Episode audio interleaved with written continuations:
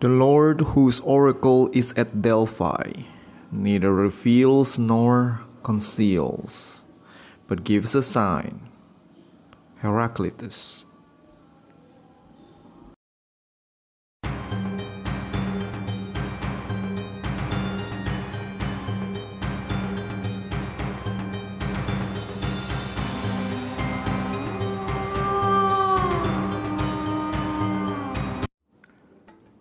Semua pecinta mitologi santuy, kembali lagi bersama Guru Kelana. Sekarang kita akan menikmati episode selanjutnya dari petualangan Perseus, sang bocah berambut emas keturunan dari Zeus. Hari ini Hari Guru Internasional dan episode kali ini akan kudedikasikan kepada para pahlawan pendidikan di seluruh dunia, khususnya di Indonesia yang sekarang sedang belajar untuk menyesuaikan diri dengan pembelajaran jarak jauh. Gue juga guru dan gue juga lagi belajar. Kepada teman-teman semua, tetap semangat ya. Selalu percaya bahwa setiap perubahan dan setiap penyesuaian adalah untuk hal yang lebih baik. Semangat semua para guru dan salam pendidikan. Sekarang mari kita nikmati seri terbaru dari kisah petualangan Perseus.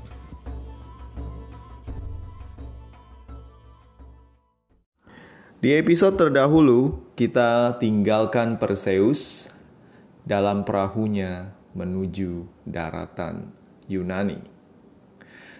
Perseus sang anak nelayan yang miskin hanya berbekal perahu butut dan juga sekantong uang perak dari ayah angkatnya yaitu Dictys. Gue pengen ketawa kalau nyebutin nama ini seriously. I mean like how do you call the name anyway? Hey Dictys. Ya udah, lupakan. Anyway, so uh, berbekal pengetahuan untuk berlayar, Perseus pun sampai di daratan utama dari Yunani ya kalau you lihat peta daratan Yunani yang pusat itu adalah semenanjung Peloponnes yang memang bentuknya panjang keluar dari uh, daratan benua Eropa. Sesampainya di sana, Perseus pun masih bingung. Beliau mencari tahu di mana keberadaan Medusa.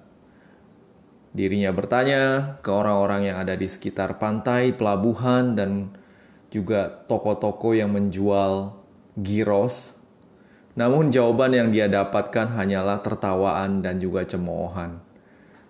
Karena tidak banyak yang percaya bahwa Medusa adalah tokoh yang nyata. Mereka menganggap itu hanyalah seorang uh, makhluk yang diciptakan untuk menakut-nakuti anak kecil.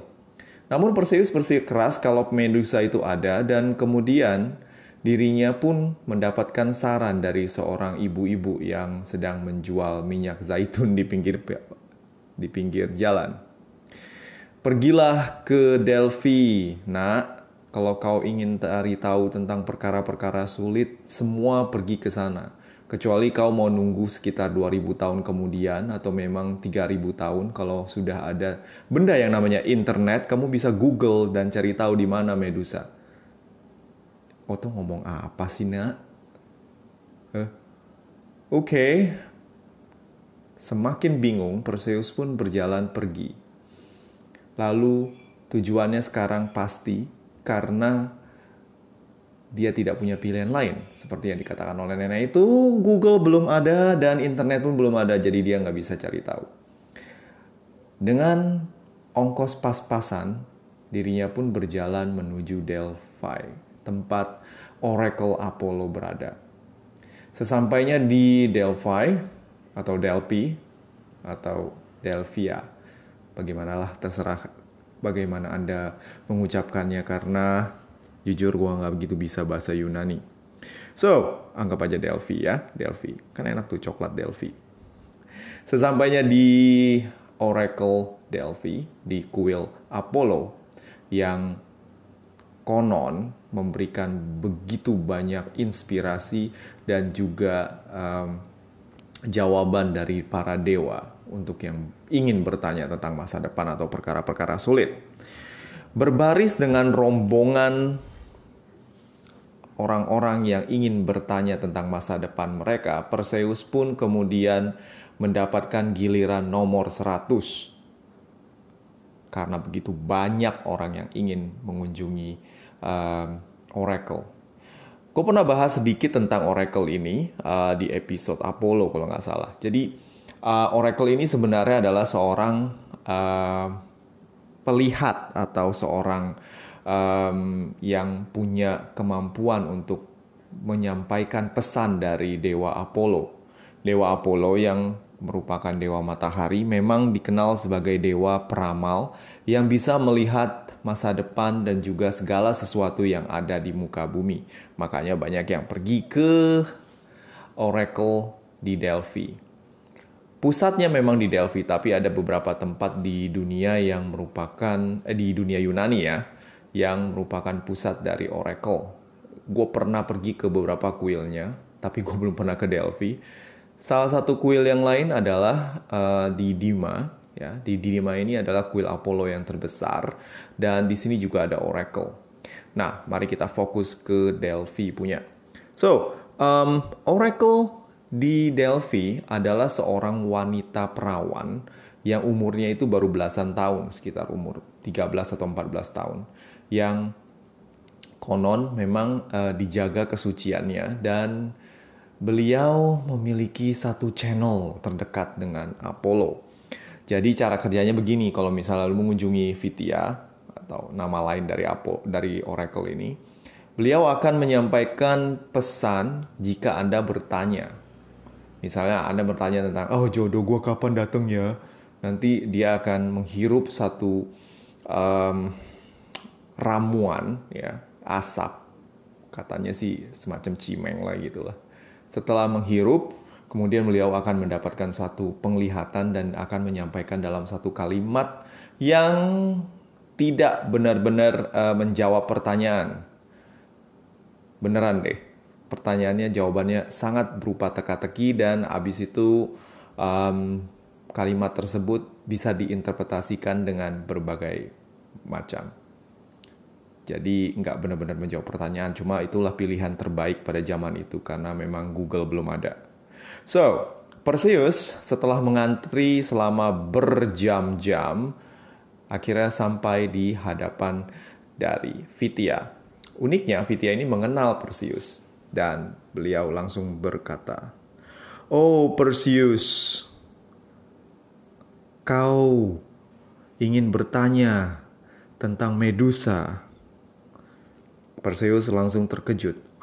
Oh iya, benar benar benar. Gue pengen nanya soal itu tuh. Jadi uh, gimana nih, uh, ti, uh, lu, lu lu lu tahu di mana uh, di mana di mana Medusa berada? Saking gugupnya Perseus pun langsung tergagap-gagap menjawab uh, bertanya kepada um, Vitia atau memang saya aja yang gagap ngomongnya. Vitia, sang oracle, kemudian memberikan jawaban yang seperti saya bilang tadi memang tidak menjawab pertanyaan secara gamblang. Wahai Perseus, anak Danai, kau harus pergi ke tempat di mana para penduduknya makan buah pohon oak dan bukan makan jagung. Hah? Bentar, bentar, bentar. Uh, apa? Eh, gimana gimana tadi gimana? Eh udah minggir minggir minggir minggir kata orang yang mengantri di belakang Perseus. Perseus yang masih kebingungan lalu didorong keluar dari antrian dan kemudian berjalan keluar dari kuil tersebut. Dengan kebingungan, Perseus kemudian bertanya kepada pelayan dari dewa Apollo yang lain. Uh, tadi tadi maksudnya apa ya? Interpretasi dari Vidya adalah tergantung daripada ilham para dewata. iya, gue ngerti. Tapi gue tadi dari tadi gue ngantri 100 orang, terus gue udah bayar persembahan. Masa gue nggak tahu itu jadi ngomong apaan? Jelasin dong. Sekali lagi ilham yang diberikan para dewata tergantung dari pengertian Anda sendiri. Ya kalau kayak gini mah ngapain gue datang ke sini coy. Perdebatan antara Perseus dan juga pelayan dewa Apollo ini kemudian didengar oleh seorang nenek yang duduk di pinggir. Nenek tersebut kemudian memanggil Perseus dan berkata, "Hai nak, sini deh. Loh, Nek, ini nenek yang yang yang suruh aku ke Delphi kan? Iya, sini nih aku kasih tahu. Aku udah lama nongkrong daerah sini, jadi aku kasih tahu aja kamu. Tadi Vitia itu bilang seperti itu. Maksudnya agar kamu pergi ke oracle yang lain, namanya Oracle Dodena. Pergi ke Oracle Dodena, ya Tuhan. Ini baru ke Delphi, terus kok pindah lagi ke Oracle lain ya kalau lu mau tahu tentang di mana Medusa ya lu ikutin aja. Kalau lu nggak mau ya lu tinggal pulang kan. Kata nenek itu dengan sedikit kesal karena Perseus tampak mersungut-sungut. Perseus pun kemudian menurut dan dengan sisa uang yang dia miliki, dia menumpang kereta kuda milik salah satu perziarah. Karena capek mereka pun Perseus pun tertidur dan sampai di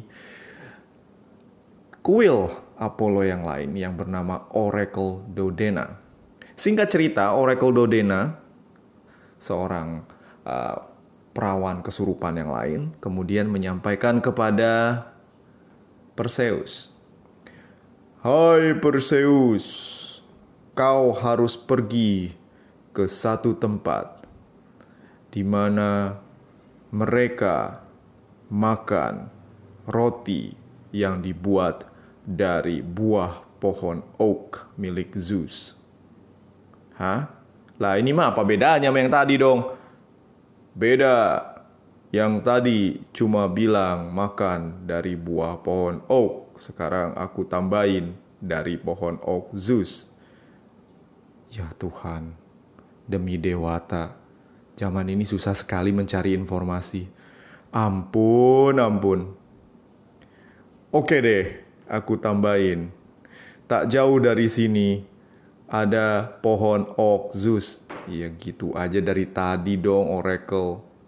Sudah pergi kamu sana. Pergilah ke sana. Ya, oke. Okay. Uh, Demikianlah kata-kata terakhir dari Oracle Dodena yang kemudian pingsan. Entah kenapa, mungkin kelaparan. Perseus pun lalu pergi menuju pohon Oak Zeus. Dan ternyata para penduduk di sekitar Dodena ini menikmati satu cita rasa makanan yang unik. Umumnya para masyarakat Yunani menikmati membuat makanan ya makanan utama yaitu roti dari gandum. Dan pada saat ini yang dia amati adalah sekelompok wanita sedang menggiling buah pohon oak. Dan buah pohon oak ini kemudian dijadikan tepung dan dijadikan roti.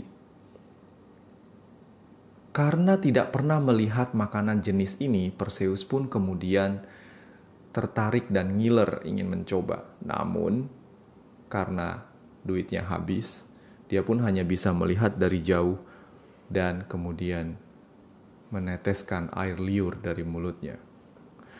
Salah seorang ibu-ibu yang sedang memanggang kue tersebut kemudian menaruh iba kepada bocah ganteng lusuh namun ngileran ini. Diberikannya beberapa roti kepadanya dan yang langsung dihabiskan dengan lahap. Perseus pun kemudian berterima kasih dan bertanya, Aku mendapatkan ilham dari Oracle Dodena. Katanya, di sini ada pohon yang tahu segala hal yang bisa memberitahukan aku di mana letak Medusa berada. Benarkah itu? Sang ibu tersenyum dan meminta Perseus untuk datang besok pagi di tempat ini, di hadapan pohon oak Zeus, dan dirinya berkata, "Datanglah pada pagi hari saat para pohon ini lebih ceria dan cerewet." Hah? Pohon cerewet? Oke deh. Lalu Perseus pun menunggu dan beristirahat di bawah pohon Oxus. Keesokan paginya, Perseus bangun dengan kondisi segar. Namun di sekelilingnya terdapat kabut yang menutupi pandangan dirinya dengan lingkungan sekitar. Yang bisa dia lihat saat itu hanyalah pohon Oxus tempat dia bersandar. Menyadari bahwa di pagi hari pohon tersebut lebih cerewet dibandingkan hari-hari yang lain, Perseus pun kemudian bertanya, Dirinya merasa aneh karena dirinya harus berbicara dengan sebuah pohon, namun karena Perseus benar-benar desperate pengen tahu di mana Medusa agar dia bisa menjawab tantangan dari Polydectes. Dirinya pun kemudian menahan malu dan kemudian berkata, "Wahai pohon, siapa itu?" Hah? Karena terkejut, Perseus pun mencari jawaban dengan melihat ke sekeliling. Dirinya tidak bisa melihat siapa pun, namun suara yang dia dengar barusan sangatlah jelas. Suara seorang wanita yang memiliki suatu karisma, dan dirinya pun sempat takut. Uh, uh, nam, nam, namaku Perseus. Aku anak dari. Oh, Aku tahu kamu siapa. Suara seorang pria yang ceria dan juga riang gembira keluar dan menenangkan hati dari Perseus. Pria ini kemudian menampakkan dirinya, seorang pria tampan dengan tubuh atletis, nyaris telanjang, hanya dengan satu celana cawat dan dirinya memakai sebuah topi yang berwarna keemasan dengan sendal bersayap yang tidak pernah dia yang tidak pernah Perseus lihat di mana pun. Sang pria memegang sebuah tongkat dengan ular. Oh, aku tahu siapa kamu Perseus. Jangan takut. Kami datang untuk membantumu. Sebuah suara perempuan yang tadi, yang berkarisma, kemudian mengambil wujud. Seorang wanita cantik bermata abu-abu, memegang sebuah perisai, dan penampakannya membuat Perseus sangat hormat. Sangat hormat sampai Perseus pun membungkukkan badannya. Hai Perseus, jangan takut. Ayahmu yang mengirimkan aku dan juga Hermes untuk membantumu. Hah? Ayahku? Hermes? Ya, dia juga ayah dari kami, kata pria yang nyaris telanjang tadi. Sang pembawa awan dan juga pembuat badai.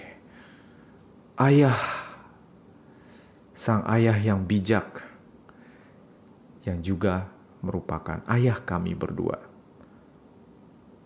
Perseus menyadari bahwa kedua orang yang berada di hadapannya bukanlah orang biasa. Perseus ketika berada di pulau tempat dia dibesarkan, pernah mengunjungi beberapa kuil dari para dewa Yunani. Dia tahu bahwa pria muda yang menyapanya barusan adalah Hermes, sang dewa kurir yang biasa menyampaikan pesan para dewa, dan yang satu lagi adalah dewi perang Athena yang bijaksana. Namun, hal yang mengejutkan dirinya adalah ketika mereka menyatakan bahwa ayah mereka adalah ayah dari dirinya. Zeus, maksudmu Zeus, raja para dewa, di, di, dia dia ayahku. Benar sekali Perseus. Jadi, kamu adalah adik dari kami berdua. Kata Athena. Yang bener, serius loh. Serius, kata Athena. Perseus tidak pernah percaya tentang cerita dari ibunya. Ibunya selalu berkata bahwa ayahnya adalah Zeus dan Zeus waktu itu pernah mengunjungi ibunya dalam wujud hujan emas. Perseus berpikir bahwa ibunya pada saat itu hanyalah iseng menyembunyikan jati diri dari ayahnya. Mungkin ayahnya hanyalah seorang petani atau nelayan atau mungkin musisi keliling yang membuat um, dirinya menyesal pernah mengalami satu one night stand bersama dia dan menghasilkan anak di luar pernikahan. Namun ternyata ayahnya adalah raja dari para dewa dan kedua dewata ini menyatakan demikian. Jadi aku bisa panggil kalian kakak. Ya, tentu saja. Aku Athena, anak dari Zeus dan Metis. Aku Hermes, anak dari Zeus dan Maya. Dan kau, anak kau Perseus, anak dari Danae dan Zeus. Kayaknya kita semua berhubungan deh sama Zeus. Oke, okay. setelah ngobrol-ngobrol ringan, Perseus pun berkata, "Aku tidak menyangka kalau ayahku adalah raja dari para dewa karena dia tidak pernah nongol." Jangan salah Perseus. Sejak kau lahir, Papa selalu mengamatimu, Nak. Papa selalu memperhatikan bagaimana kelangsungan hidupmu dan juga ibumu. Ibumu pasti pernah cerita kalau dia dan kau ketika kau masih bayi dibuang oleh kakekmu sendiri dalam sebuah kotak dan dibuang ke laut. Masih ingat? I iya. Kau tahu Zeus yang membimbing kotak tersebut agar bisa sampai ke net dari ayah angkatmu Diktis. Dan ketika kau besar, dia pula yang memberikan kau begitu banyak kekuatan dan keahlian. Dan ketika dia mendengar kau menjawab tantangan dari Polydictes untuk membunuh Medusa, dia mengirimkan kami berdua kepada kamu supaya kami bisa membantu kamu. Jadi kalian akan bantu aku bunuh Medusa? Well, mm, enggak, enggak, enggak bener-bener bantu bunuh Medusa sih, kata Hermes. Tapi kami punya sesuatu yang bisa membantu kamu untuk membunuh Medusa. Oke, okay, now ada beberapa kado nih dari kakak-kakak nih buat kamu. Coba uh, lepasin deh sepatu kamu yang udah butut itu, yang udah dekil itu, buang deh, buang. Oke. Okay.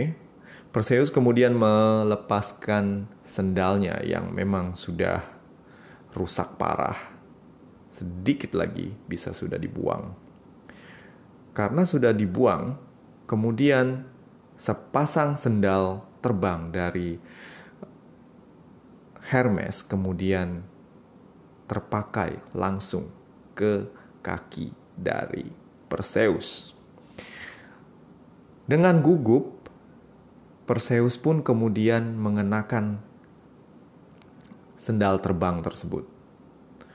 Perseus tiba-tiba naik ke atas, meninggalkan pijakannya, dan dirinya pun kemudian seolah seperti burung yang bisa terbang. Namun, karena tidak terbiasa dengan sendal terbang ini, dirinya jumpalitan dan tidak bisa mengendalikannya dengan baik. Hermes memandang Perseus dengan sinis dan berkata, "Kau tidak usah goyang-goyangin kakimu kayak burung yang belajar berenang, Nak. Bukan begitu, Dek. Dek gini, Dek. Konsentrasi. Ya. Kamu gak usah gerakin kaki, konsentrasi aja, dia bakal nurutin kamu." Perseus kemudian berkonsentrasi, menunjukkan muka yang sangar penuh konsentrasi. Woi, woi, woi, bukan kayak gitu, bukan nunjukin tampang lagi mau ee, bukan. Tunjukin kalau kamu bisa konsentrasi. Berpikir tenang, dan sepatu itu akan membawamu pergi ke mana pun. Oke, ntar dulu lah belajarnya. Coba turunin dulu, turun, turun, turun. Perseus pun menurut, menurut dan kemudian turun dan menapaki kakinya di bumi kembali. Athena kemudian memberikan, ah kau ini Hermes udah dibilangin nanti dijelasin dulu di manualnya kamu langsung kasih aja. Ya kan biarin belajar Athena. Sini sini sini. Nah, ini ada beberapa barang yang akan ku berikan kepada kamu, Dek. Nah, ini topi dari Hades. Jadi ini Hades ini om kita nih. Hah? Hades om kita? You pernah belajar sejarah dewa-dewi Yunani gak sih? Oh iya iya bener bener. Jadi ini topi buat apa? Kalau kamu pakai topi ini, nanti kamu bakalan tidak kelihatan. Hah? Jadi jadi gue bisa pakai topi ini, terus orang nggak bakal bisa lihat gue. Bener sekali. Waduh, eits, Jangan pakai buat yang aneh-aneh ya, jangan buat yang mesum-mesum. enggak kok, beneran enggak kok, kata Perseus sampai tersambil tersipu malu. Oke, nah ini topinya, simpen baik-baik. Nah ini gue kasih tas juga, tas kulit. Tas kulit? Iya, tas kulit. Pakai nih, ya. Nanti suatu saat ini akan sangat berguna buat kamu. Hah? dalam hati Perseus. Dirinya agak kecewa karena Athena, sang dewi perang, malah memberikannya tas kulit. Jauh dalam lubuk hatinya, dirinya lebih berharap kalau Hermes yang memberikan tas kulit tersebut. Kenapa? Karena tas Hermes mahal coy.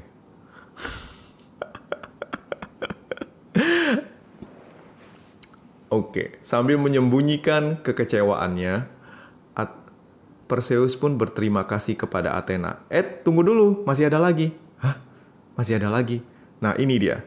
Hati-hati, pegang baik-baik. Pegang gagangnya, jangan pegang. Aduh! Perseus yang ceroboh kemudian melukai tangannya dengan pedang yang diberikan oleh Athena. Hati-hati, nak. Tajam. Pedang yang agak bengkok di ujungnya ini adalah pedang yang merupakan replika dari senjata Kronos yang dipakai untuk membacok Uranus pada perang zaman dulu. Pedang ini disebut harpe dan sangat tajam. Jari dari Perseus yang tidak hati-hati kemudian teriris dan mengeluarkan banyak darah.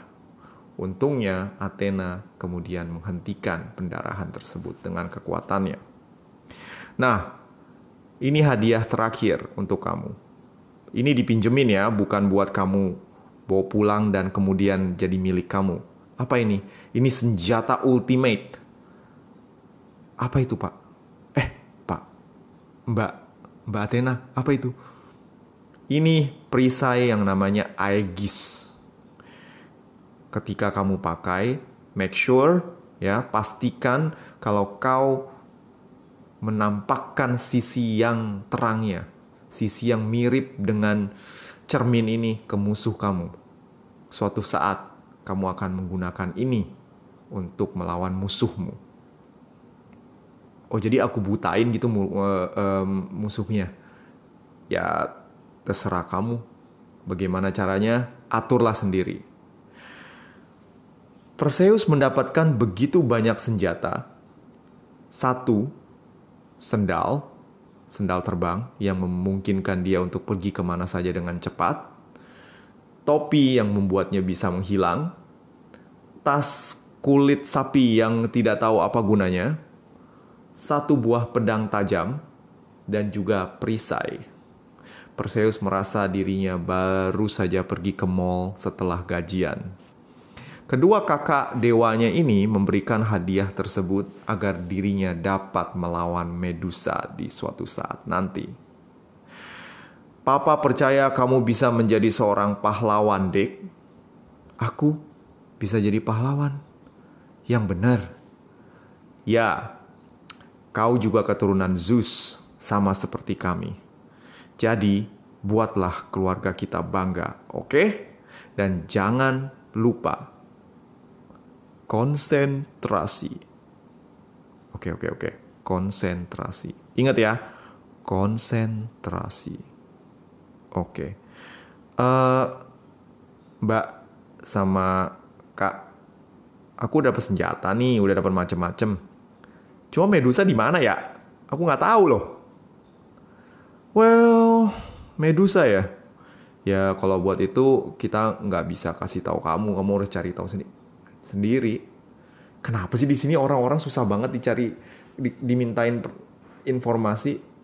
Oh bukan gitu. Kamu mau menang banyak. Kami udah kasih kamu begitu banyak pemberian. Kamu sekarang mau komplain karena aku nggak kasih tahu di mana Medusa. Sang Dewi Perang kemudian menampakkan kepuasannya.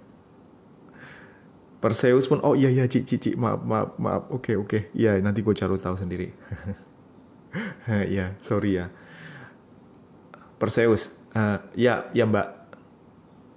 Kamu pernah dengar Porsides? Porsides? Apa itu? Kau ini bener-bener loh, tinggal di pulau bener-bener nggak tahu apa pun ya. Eh, ya maaf lah, aku kan cuma nelayan mbak. Gini, Porsides atau sebutannya adalah greyeye atau makhluk abu-abu. Mereka ini kakak beradik, semuanya cewek. Ada tiga orang. Mereka adalah salah satu makhluk paling tua di dunia. Dari mereka bertiga, mereka cuma punya satu mata dan satu gigi. Hah? Maksudnya? Ya, bertiga, tapi giginya cuma satu, sama matanya cuma satu. Dan mereka suka pakai gantian. Lah, apa gunanya? Terus, mereka tahu banyak hal, tapi mereka nggak bakal kasih tahu apa pun. Coba kamu tanya ke dia tentang Medusa. Kepada mereka tentang Medusa. Lah katanya mereka nggak bakal kasih tahu apa-apa. Kenapa aku harus nanyain ke mereka? Nah itulah. Jadi gimana? Ya pinter-pinter ya kamu lah. Maksudmu, maksud maksud Mbak, aku aku pakai pisau ini terus ngancem mereka supaya kasih tahu di mana Medusa gitu. Ya nggak gitu juga kali, kata Hermes. Kamu belajar dong, lebih subtle dong, lebih lebih lebih cerdas dong. Katanya anak Zeus. Ya udah ya, kita berdua pamit dulu nih, ada pesta nih di Olympus nih. Dengan ngomong seperti itu, kedua dewata ini kemudian menghilang dari pandangan sang anak Zeus, Perseus. Nah, selesai juga episode kali ini. So, di episode mendatang, Perseus akan memulai perjalanannya untuk mencari Medusa. Sabar ya sampai episode selanjutnya. Oke, seperti biasa, gue akan mengingatkan kepada para pendengar jika kalian ada pertanyaan tentang mitologi Yunani atau mitologi yang lain atau mitologi santuy versi gue, silahkan you bisa kontak gue di website gue gurukelana.com atau di email gue gurukelana007 at gmail.com atau di Instagram gue sendiri guru kelana atau Facebook page gue di gurukelana.com. Terima kasih buat perhatiannya, kerjasamanya dan juga berbagai perhatian yang kalian berikan kepada saya. Jujur gue seneng banget karena penggemar dari mitologi santuy terus meningkat dan sekarang sudah hampir 200 subscriber di um, Spotify dan belum tahu di platform yang lain. Kalau kalian ada yang dengerin mitologi santuy dari iPhone atau dari iTunes, tolong berikan review di sana karena bener-bener katanya kalau podcast di iTunes itu kan bisa kasih review dan review itu sangat-sangat bermanfaat untuk popularitas dari podcast tersebut. Jadi kalau kalian ada yang dengerin dari iTunes, tolong kasih review dan juga kasih bintang. Oke? Okay? Oke deh, sampai jumpa di episode selanjutnya. Terima kasih buat semuanya. Bye.